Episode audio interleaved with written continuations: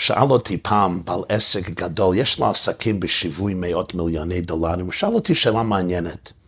הוא אומר לי, אם יש לי פועל שהוא חתרן בלתי נלאה, והוא פשוט חותר מתחתי והוא מפסיד, עושה לי הפסדים גדולים בעסקים, עוזר למתחרים, עושה לי בעיות, אין שאלה אצלי שמבחינה מוסרית, אני יכול ואולי חייב לזרוק אותו, להיפטר ממנו, בסדר. אבל השאלה שלי אומר, מה אם יש לי פועל, והוא נאמן, והוא משתדל לעשות עבודה נאמנה ועבודה טובה, אבל מה? פשוט אין לו הכישורים. הוא עושה טעויות, הוא לא רוצה, הוא לא מתכוון, אבל הוא מתבלבל.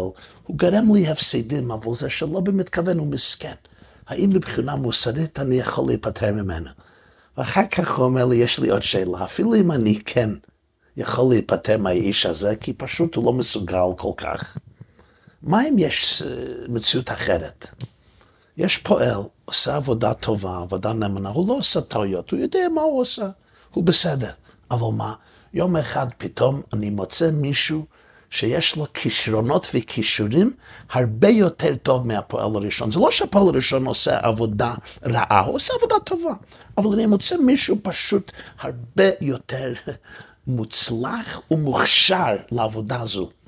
האם זה נותן לי הצדקה מוסרית להיפטר מהפועל הראשון? זו השאלה. שאלה מעניינת, אמרתי לו, לא, באמת אני לא יודע, אני לא מתמחה בסוגיה הזו, וזה באמת דרוש אה, עיון ובירור. אבל אני אגיד לך דבר מאוד מעניין, שיש משנה בתלמוד, במשניות, שחכמינו, זכרם לברכה, מדברים ממש על שאלה זו, אבל בעניין הרבה יותר גורלי והרבה יותר מהותי ובסיסי בחיים, במוסד הנישואין והגירושין. אחד מהמסכתות בתלמוד זה מסכת גיטין. המשנה האחרונה בתלמוד מסכת גיטין, דף עמוד א', מדבר על השאלה הגדולה מאוד, מה הם התנאים המצדיקים גירושין בין איש ואישה. כולם מבינים שיש לפעמים טרגדיות שאין ברירה. יש לפעמים סכנת נפשות, יש התעללויות וכדומה. אבל בנסיבות שאין סכנת נפשות. מהם התנאים המצדיקים גט? וכמובן, כמו ברוב המשניות, יש מחלוקת בין ענקי הרוח בדור ההוא. זו מחלוקת במשנה, כפי שאמרת, המשנה האחרונה במסכת גיטין, והמחלוקת זה בין בית שמאי, בית הלל ורבי עקיבא. בית שמאי זה היה בית המדרש האסכולה שיסד שמאי הזקן. בית הלל זה הבית המדרש של הלל, שיסד הלל הזקן. בית המדרש של שמאי הלך לפי דעתו, לפי רוחו, לפי שיטותיו של שמאי, ובית הלל הלך, הלך לפי שיטותיו של הלל הזקן. אחר כך היה רבי עקיבא, ופה מדובר בתקופה, בסוף תקופת בית שני, בתקופה הראשונה לאחרי חורבן בית שני. בואו נראה מה המחלוקת. אז אני מצטט מילה במילה מהמשנה במסכת גיטין דף צדק. בית שמאי אומרים, לא יגרש אדם את אשתו, אלא אם כן מצא בה ערוות דבר, שנאמר כי מצא בה ערוות דבר. כלומר, בית שמאי מצטט פה פסוק מפרשת כי תצא. התורה אומרת, כי ייקח איש אישה ובעלה, והיה אם לא תמצא חן בעיניו, כי מצא בה ערוות דבר, וכתב לה ספר כריתות ונתן בידיו ושלחה מביתו, ויצא מביתו והלכה והייתה לאיש אחר. אומר בית שמאי, בוא תקשיב טוב למילים של התורה. והיה אם לא תמצא חן בעיניו, כי מצא בה ערוות דבר. היה פה עניין של ערווה, היה פה עניין של בגידה במוסד הנישואין, רחמנא ליצלן. אז זה, זה מצדיק גירושין. עכשיו, בן אדם יכול לגרש את אשתו. אין, אין נאמנות, יש פה בגידה, זו שיטת בית שמאי. בית הלל אומרים, אפילו הקדיחה תבשילו. אפילו אם היא שרפה את האוכל שלו, זה מצדיק גירושין, שנאמר, כי מצא בה ערוות דבר. כלומר, כפי שרש"י מסביר את זה, התורה לא אומר כי מצא בה ערווה, מצא בערוות דבר. מפרש בית הלל שזה שני עניינים. כי מצא בערווה, ואפילו דבר אחר, אפילו אם יש דבר אחר שמדאיג אותו, שמלחיץ אותו, שגורם לו ייסורים, היא קדיחת תבשילו, היא שרפת, היא שרפה את התבשילים שלו, יכול לגרש אותה. רבי עקיבא אומר, אפילו מצא אחרת נאה הימנה. שנאמר והיה אם לא תמצא חן בעיניו. כלומר, רבי עקיבא אומר, שוב נקשיב לתורה, למילים, מה כתוב? והיה אם לא תמצא חן בעיניו כי מצא בערוות דבר, וכתב לנו ספר כריתות ונתן בידיו ושלחה מביתו ויצא מביתו והלכה ביתו לאיש אחר. אומר רבי עקיבא, לא כתוב סתם כי ייקח איש איש או בעלה והיה כי ימצא בערוות דבר ונתן לו ספר כריתות. כתוב והיה אם לא תמצא חן בעיניו. אז פירוש הדברים, אפילו אם לא הייתה שום, לא היה שום דבר ערווה. לא הייתה שום בגידה בהזוגיות, בהנאמנות. אפילו לא שרפה את התבשילים שלו. אלא מאי? יום אחד הוא מוצא אישה אחרת, נאה יותר יפה ממנה. היא לא תמצא חן בעיניו. אומר רבי עקיבא, הוא יכול לגרש את אשתו. זה דברי המשנה בסוף מסכת גיטין. ופה אני שואל אתכם, אחיי ואחיותיי רבותיי, שאלה פשוטה ושאלה עצומה. אני יכול להבין טוב את השיטה של בית שמאי. בית שמאי אומר, אפילו אם יש חילוקי דעות, אפילו אם יש אתגרים, אפילו אם יש תסבוכים, בכל uh, זוג יש דברים, יש בעיות, יש חסרונות. הז... הזוגים היחידים שאני מכיר שהם מושלמים זה אלה שאני לא מכיר. אבל כל זמן שיש the basics, אה, לא חוצים את הקווים האדומים, יש נאמנות בסיסית בין איש ואישה, הוא לא מצא בערוות דבר, אין הצדקה לגירושים. בסדר, אני מבין את זה. אבל מה הפשט בבית הלל? אני חוזר הביתה, אשתי שרפה את המאכלים שלי, בסדר, הולכים להתגרש, זה הצדקה לגירושין? זה באמת שיטת בית הלל? ואתם יודעים שבדרך כלל בהלכה, כשיש מחלוקת בין בית שמאי ובית הלל, הלכה כבית הלל. מה הכוונה? ובפרט הלל. הלל הוא זה שאומר בפרקי אבות? הלל אומר בפרקי אבות, פרק ראשון, הווי מתלמידיו של אהרון, אוהב שלום, רודף שלום, אוהב את הבריות, מכוון מטרה. באבות דרבי נתן מפורש, מסופר שאהרון הכהן, ניצל את רוב זמנו וכישוריו כדי להביא שלום בין איש לאשתו, בין אדם לחברו.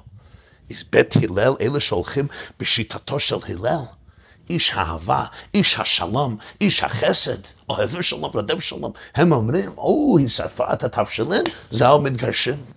משהו לא מובן פה. אז הרבה מהמפרשים על המשניות ובשולחן ערוך באבן העזר מסבירים שבית הלל הכוונה שהיא עושה את זה במזיד. זה לא שהיא עסוקה בטיפול בילדים או במשהו אחר, היא עובדת במשהו והמאכלים נשרפים. המדובר היא שהיא פשוט רוצה לשרוף את המאכלים שלו. היא רוצה לגרום לו ייסורים, לעשות לו צרות צרורות. כך, כך יש אלה שמפרשים, שזה פשוט עניין של מזיד. אז יש פה, יש פה בעיה, יש פה בעיה רצינית. בסדר. הדבר הראשון, אם זו הנקודה, למה, למה, למה, למה אומרים בתל אפילו הקדיחה תבשילו? יכולים להגיד, אפילו אם לא הייתה בגידה, אבל היא מתנהגת בצורה לא ראויה. למה הוא תפס את הדוגמה הזו של אוכל, של שריפת אוכל?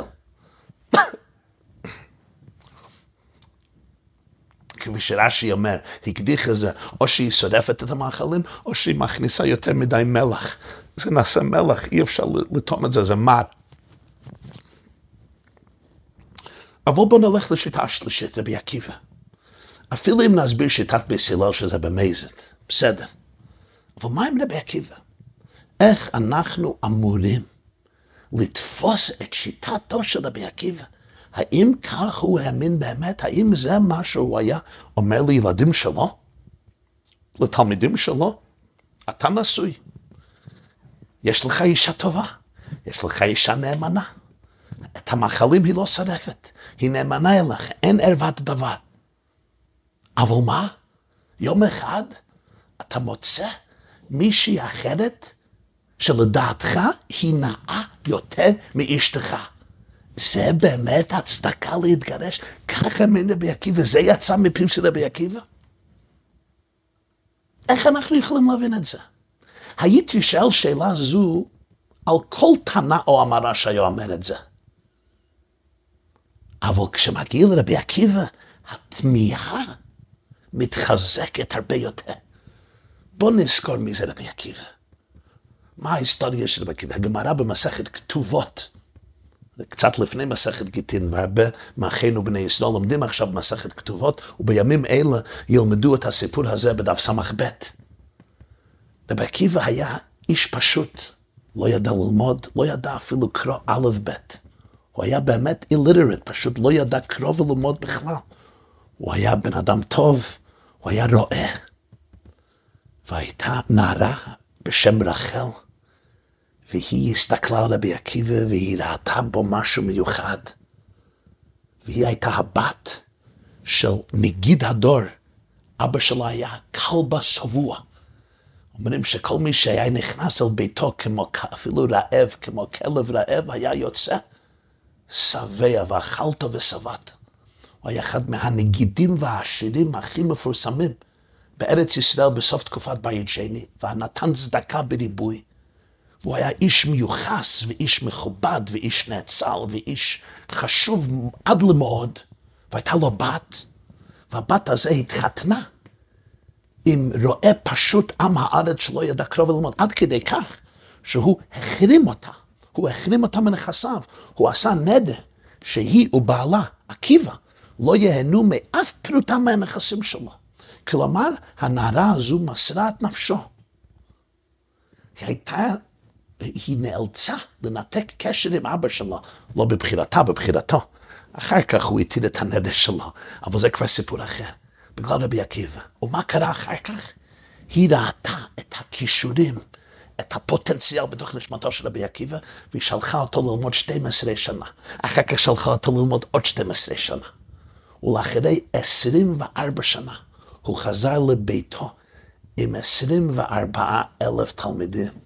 וכשהיא, רחל, יצאה לקבל את פניו, והיא הגיעה אל רבי עקיבא, והתלמידים לא ידעו מי היא, והם חשבו שהיא איזו אישה שהגיעה פה אה, באופן לא מוצדק. מה אומר רבי עקיבא ל-24 אלף תלמידים? ארבע מילים, שלי ושלכם, שלהו. הכל שייך אליה. כל מה שאתם רואים בי, כל מה שאתם רואים בעצמכם, הכל שייך אל האישה הזו רחל. היא זו שיצרה אותי, היא זו שעיצבה אותי, היא זו שעשתה אותי מה שאני כיום הזה. אז אני שואל אתכם, רבי עקיבא ידע מי זה אשתו, מי זה רחל, הוא חווה את זה על בשרו. באמת, זו, זה הפסק דין שלו במשניות. כך מתגרשים, כי הוא מצא אחרת נאה ממנה. כשהוא ידע מה זה מסירות בין אישה לאיש. עוד יותר, יש גמרא, יש תלמוד ערוך במסכת שבת, דף כ"ה עמוד ב', תנו רבנן, איזה עשיר. מה, מה, מה, מה, עושה אותך עשיר? מה עושה אותי עשיר? כמובן, יש מחלוקת. רבי מאיר אומר, כל שיש לו נחת רוח באשרו. יש אלה שיש להם הרבה כסף, אבל אין להם רגע של סיפוק, אין להם רגע של שלווה, רגע נחת רוח. תמיד יש אמביציה, אני צריך עוד מיליון ועוד מיליארד. אין נחת רוח באשרו, אתה לא עשיר. אתה יותר עם יותר פחד ויותר לחץ מעניים. זה שיטת רב מאיר. רב טרפין אומר, מה זה עשיר? כל שיש לו מאה כרמים, מאה שדות ומאה עבדים שעובדים בהן. תירוץ בלבתי. רב יויסי אומר, מה זה עשיר? כל שיש לו בית הכיסא סמוך לשולחנו. זה כבר עשירות. בזמן התלמוד זה עשירות. רבי עקיבא אומר, תשמעו, מה זה עשיר? כל שיש לו אישה נאה במעשים. אין עשירות יותר גדולה מזה. יש לך המון כסף, אין לך המון כסף. יש לך אישה נאה במעשים, אומר רבי עקיבא, אתה בן אדם עשיר. עכשיו אני שואל אתכם, מוריי ורבותיי, הרבי עקיבא הזה, שכשדיבר על השירות הזו, הוא לא דיבר רק בצורה מופשטת. אני מנחש שהוא דיבר גם מצורה של, בצורה אישית, צורה שהוא חווה על בשרו, מבשרי איך זה, מאשתו רחל. הוא מגיע והוא נותן לנו פסק הלכה. אם יש לך אישה נאה, ולא רק נאה פיזית, נאה במעשים, נאה מבחינה מוסרית, נאה מבחינה נפשית, רגשית, רוחנית. ויום אחד אתה הולך ברחוב, ואתה פוגש מישהי, מצא אחרת, נאה ממנה. אומר רבי עקיבא, אין בעיה, תתגרש. והיה אם לא תמצא חן בעיניו. יש מישהו אחר מוצא יותר חן בעיניו, תתגרש. אני רוצה להגיד בפניכם מאת הגאון רבי יוסף דוב הלוי סולובייצ'יק, רבי יושע בער סולובייצ'יק. הוא היה בנו של רבי מוישה סולובייצ'יק, שהיה בנו בכורו של רבי חיים סולובייצ'יק. רבי חיים סולובייצ'יק גם ידוע, מכונה בשטור רבי חיים בריסקר. חיים בריסקר היה ראש ישיבת וולוז'ין, היה בנו של בית הלוי, רבי יוסף דויב הלוי סולובייצ'יק, ראש ישיבה בוולוז'ין, רב בסלוצק, ואחר כך רב בבריסק. ובנו של בית הלוי היה רב חיים בריסקר, רב חיים סולובייצ'יק. שנעשה גם אב בית דין של בריסק עד לפטירתו בתרע"ח.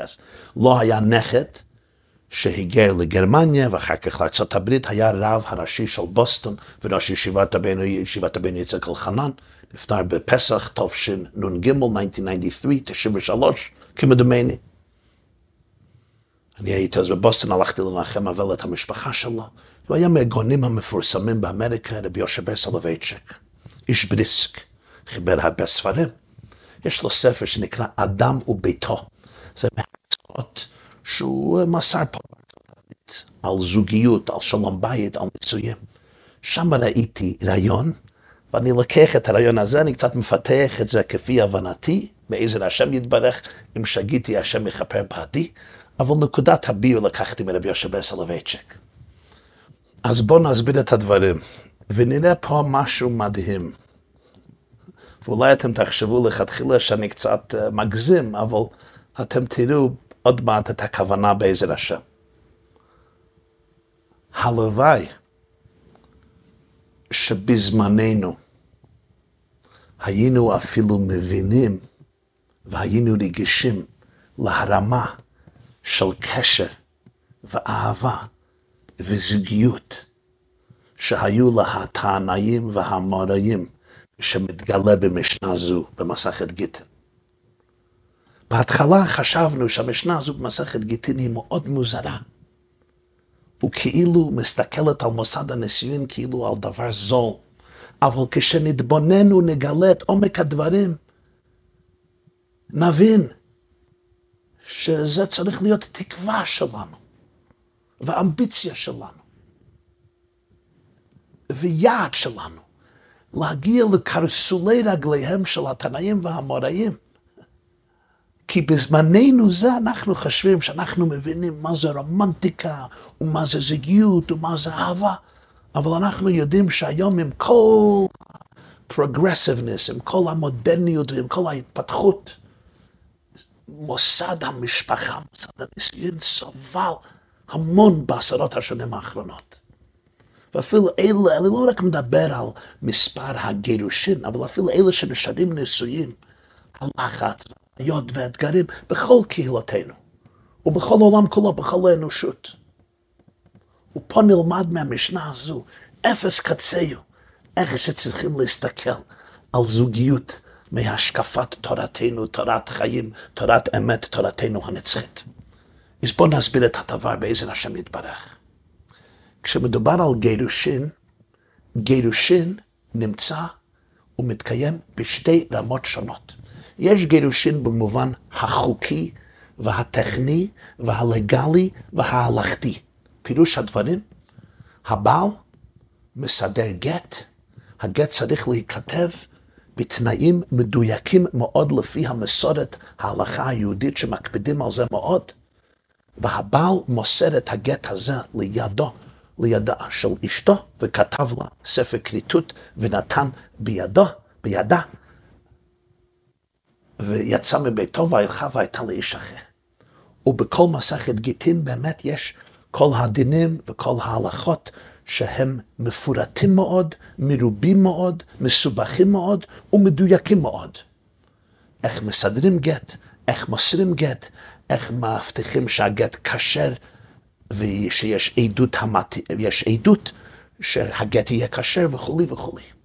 זה גירושין במובן החוקי, במובן הטכני, של אחרי שזה קורה, הבעל והאישה התגרשו, הם כבר לא נשואים אחד לשני, הם ניתקו את הקשר. הוא משוחרר, היא משוחררת, הוא ילך למקום שהוא רוצה, היא תלך למקום שהיא רוצה, ונקווה שיהיה בהצלחה לשניהם. אבל זה הסוף של הגירושין, זה לא ההתחלה. גירושין מתחיל ממקום פנימי. יש גט מבחינה טכנית. אני נותן את הגט, הבעל נותן הגט לאישה והם מגורשים. אבל זה לא התחיל עם מסמך, זה לא התחיל עם חתיכת נייר, זה לא התחיל עם הליכה אל הדיין, אל הבית דין, אל הרב לסדר גט. זה התחיל במקום פנימי, זה התחיל בסלון, זה התחיל במטבח, זה התחיל בחדר המיטות, זה התחיל בתוך הבית, זה התחיל בתוך הלב. הלב קרוע, הנשמה קרועה. החוזה הפיזי, המסמך הפיזי שאנחנו קוראים ביהדות גט, זה רק השלב האחרון והסופי באתגר, בגירושין, בגט, שכבר מתקיים אולי זמן רב בתוך הלב של האיש, בתוך הלב של האישה. הנשמה שלהם קרועה, הלב שלהם קרוע. יש קריאה, יש קרע באהבה, בהחיבה, בהערכה, בהכבוד, בהערצה, בהקשר, בהנאמנות, במסירות אחד לשני, בידידות.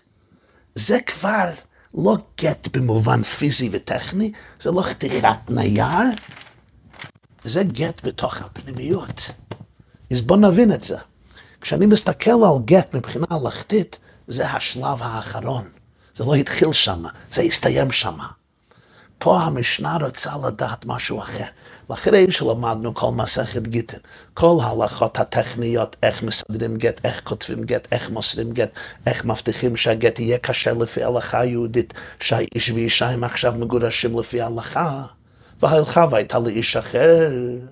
עכשיו, במשנה האחרונה, מדברים לא רק על גט פיזי, מדברים גם על גירושין ברמה רוחנית, פסיכולוגית, רגשית, אמוציונלית, נפשית. כי פה השאלה הגדולה, מתי גבר ואישה יודעים שהם מגורשים אפילו אם הם דנים בבית אחד.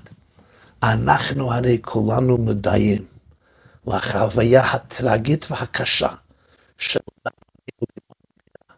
שזוג, איש ואישה, גרים יחד בדירה אחת, מגדלים יחד משפחה אחת. מבחינה טכנית, חוקית והלכתית הם נשואים, אבל מבחינה רגשית הם כבר התגרשו. כולנו יודעים על מה אנחנו מדברים.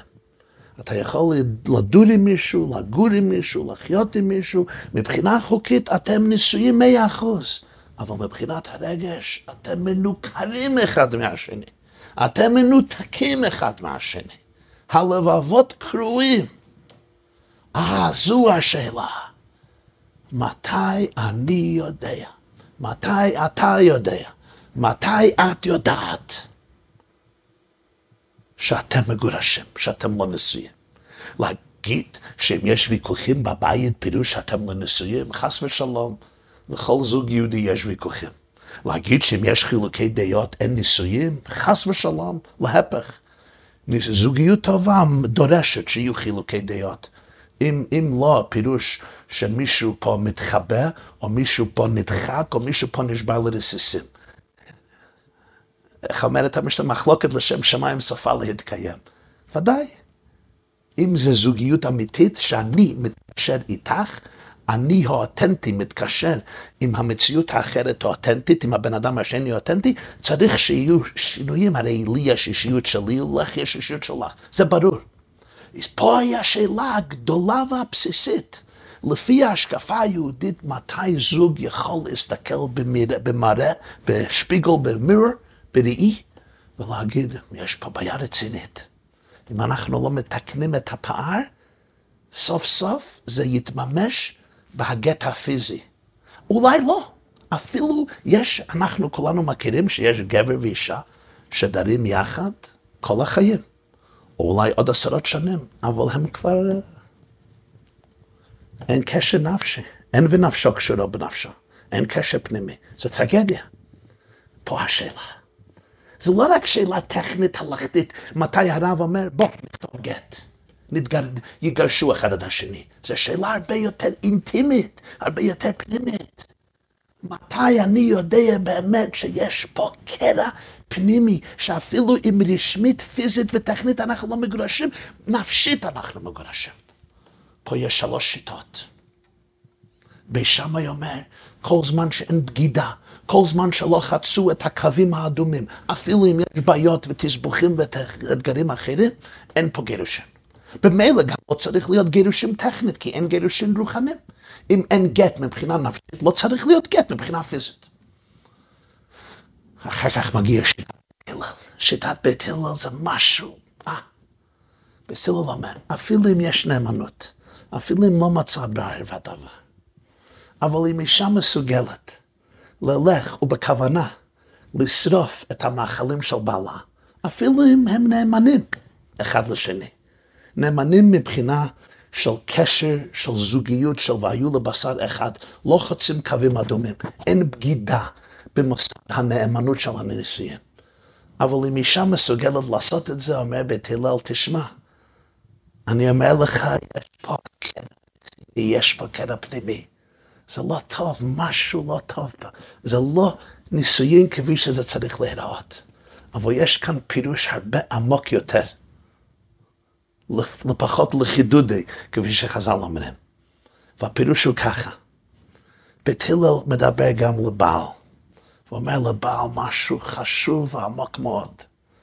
אם אתה נשוי לאישה, והיא עשתה תבשיל בשבילך, ואתה תואם את התבשיל הזה, וכל מה שיש לך להגיד על האוכל שלה הוא שזה שרוף, זה מגעיל, זה מאוס. בית הלל אומר, אתה לא נשוי באמת. אם אתה יכול לשער לעצמך שיש מישהו שמכין מאכלים יותר טובים וטעימים מאשתך, יש פה בעיה בניסיון שלכם. אני, אני יודע מה שאתם חושבים. אצלנו זה לא בעיה. מה, במסעדה אין אוכל יותר טוב מאשתך? אבל בואו תבינו איך שבית הלל הסתכל על נישואין. אם אתה באמת היית קשור לאשתך, בדבקות, בחשיקה, בתשוקה, בחפיצה, בנפש שוקקה, בלשון המדרש בפרשת אה, וישלח, כשמדבר על אהבה. אם באמת היית קשור באופן זה, אין אוכל טעים יותר מאוכל של אשתך. אתה יודע למה? לא כי היא מבשלת הכי טובה בעולם, אלא בגלל שהיא אשתך. כי זה שלך. זה שלך. It's mine. Das ist meine. כן? אתה מסתכל על הילד שלך, כן? אין ילד שיותר קיוט, איך אומרים? יותר מתוק. למה? כי זה ילד שלך, זה ילדה שלך. אשתך זה לא הילד והילדה שלך, אבל היא הכינה תבשיל זה בשבילך. איך אתה יכול להגיד זה שרוף? מים רבים לא יוכלו לכבות את האהבה ונערות לא ישטפוה. כי עזת המוות אהבה. אין שריפה, אין מלח שיכול לשרוף את האהבה בינך לבין אשתך, אומר בית הלל. האוכל שאשתי הכינה עבורי לא מגעיל, לא מאוס עליי, לא שרוף. זה אוכל הכי טעים. אז כך נפרש את המשנה כפשוטה, לא שהיא עשתה במזיד, היא עשתה בשוגג. אבל אם אתה היית נשוי, אומר בית הלל, איזה סטנדרט, איזה רמה, אני מבין, זה לא סטנדרטים שלנו, נכון. בסטנדרטים שלנו, אם הם מתנהגים כמו מנשן, אנחנו אוהבים את זה. אבל בית הלל אומר, תבין משהו. אם יש פה זוגיות טובה, אין דבר כזה, הקדיח את אבשילוי. מה זה הקדיח את אבשילוי? זה אשתך, עשתה את האוכל בשבילך. אם יש אהבה בתענוגים, וואו, וואו, וואו, אין אוכל כזה בעולם. מגיע רבי עקיבא, אה, רבי עקיבא שבאמת הוא זה שאמר שלי ושלכם שלהו. אומר רבי עקיבא לבית שמאי, אומר רבי עקיבא לבית הלל, לא, אתם עושים טעות. בואו אני אגיד לכם, מתי יודעים שזוג לא נשוי באמת? אפילו אם לא יתממש בגט טכני, אבל בפנימיות אין פה נישואים אמיתיים על פי התורה, כפי שהתורה מתארת מה יכול להיות נישואים, אני אגיד לך. אם בן אדם יכול ללך ברחוב, או ללך על אוטובוס, או ללך. או ברכבת, או ללך בספינה, או ללך על מטוס, או ללך בטיול, או להסתכל על מכונה, או להסתכל על טלפון או פלאפון, או להסתכל בעיתון. והוא ראה מישהי שהיא נאה יותר מאשתו, אומר רב עקיבא, אתה כבר גרוש. אתה לא צריך לגרש, אתה כבר גרוש. אתה כבר גרוש. בוא ניתן את הדוגמה שוב של הילד, גם שזה לא דוגמה ממש זהה, אבל זה נותן טעם. אתה רואה הילד שלך, הילדה שלך, הבת שלך, הוא כל כך יפה, כל כך יפה, למה זה הילד שלך? אם היית נשוי באמת, אומר רבי עקיבא, אין אישה אחרת נאה. אם אני במצב כזה, שאני מסתכל על אישה אחרת ואני אומר, וואו, היא נאה יותר מאשתי, אומר רבי עקיבא, יש פה כבר גירושין. ושוב, הסטנדרטים שלנו היום בשנה זו זה לא סטנדרטים כאלה. אנחנו אומרים, תירגע, תירגע, אני בן אדם טוב, אני גבר טוב, אבל יש הרבה נשים בעולם. אני מבין לרוחכם, אני גם בן אדם. אין אפוטרופוס לעריות. אבל אני אומר לכם מה שרבי עקיבא אומר לנו, רבי עקיבא מלמד לנו מה זה קשר. רבי עקיבא אומר, אם אתם באמת נשואים, אם אתם באמת נשואים, אם אתה מרגיש את העשירות, איזה הוא עשיר, כל מי שיש לו אישה נאה במעשים, כפי שרבי עקיבא אמר, אין דבר כזה מישהו אחר נאה ממנה. למה? כי זה אשתך. כי זה אשתך. כי זה אשתך. והקשר הזה, זה שלך. הוא שלך ואת שלו. והקשר הזה זה הקשר הכי פנימי והכי אותנטי בעולם. וזה דווקא רבי עקיבא. רבי עקיבא הוא זה שאומר במסכת ידיים, משניות מסכת ידיים פרק ג'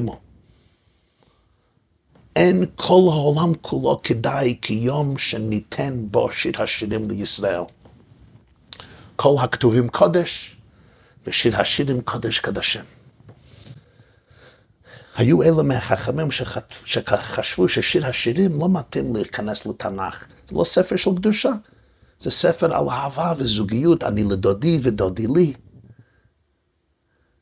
אומר רב עקיבא, חס ושלום, כל הכתובים קודש, שיר השירים קודש קדשים. העולם לא היה כדאי כאותו יום שניתן בו שיר השירים לישראל. וואו, זה רב עקיבא. רב עקיבא שרואה באהבה בין איש ואישה, כפי שכותב הרמב"ם בהלכות תשובה בפרק י' ובמדרשי חז"ל, ששיר השירים זה משל. שאהבת איש ואישה זה בעצם ממחיש וזה אילוסטרציה בעולם הזה של אהבת הקדוש ברוך הוא ועמו. זה קודש קדוש עם האהבה הזו. זה קודש קדוש. אין מי שאחרת נאה ממנה. ורב עקיבא הוא זה שאומר במסכת סוטה דף י"ז, דרש רבי עקיבא, איש ואישה זכו, שכינה שנויה ביניהם. לא זכו, אש אכלתם. מה רבי עקיבא ראה? הוא ראה בהזוגיות את השראת השכינה, זכו שכינה שנויה ביניהם. לכן אומר רבי עקיבא, אין דבר כזה. ואם יש דבר כזה, פירוש שאני צריך לעשות חשבון הנפש פנימי, ואני צריך לרפא את הפצעים. ואנחנו צריכים לבנות שוב את הקשר מחדש, כי משהו מאוד פנימי לקוי פה. כי אם זה באמת היה ניסויים כפי שניסויים יכולים להיות על פי התורה. רבי עקיבא, אין אוכל טעים יותר מהאוכל שאשתך מכינה עבורך. ואין מישהו בעולם נאה ויפה יותר מאשתך. תודה רבה ושלום.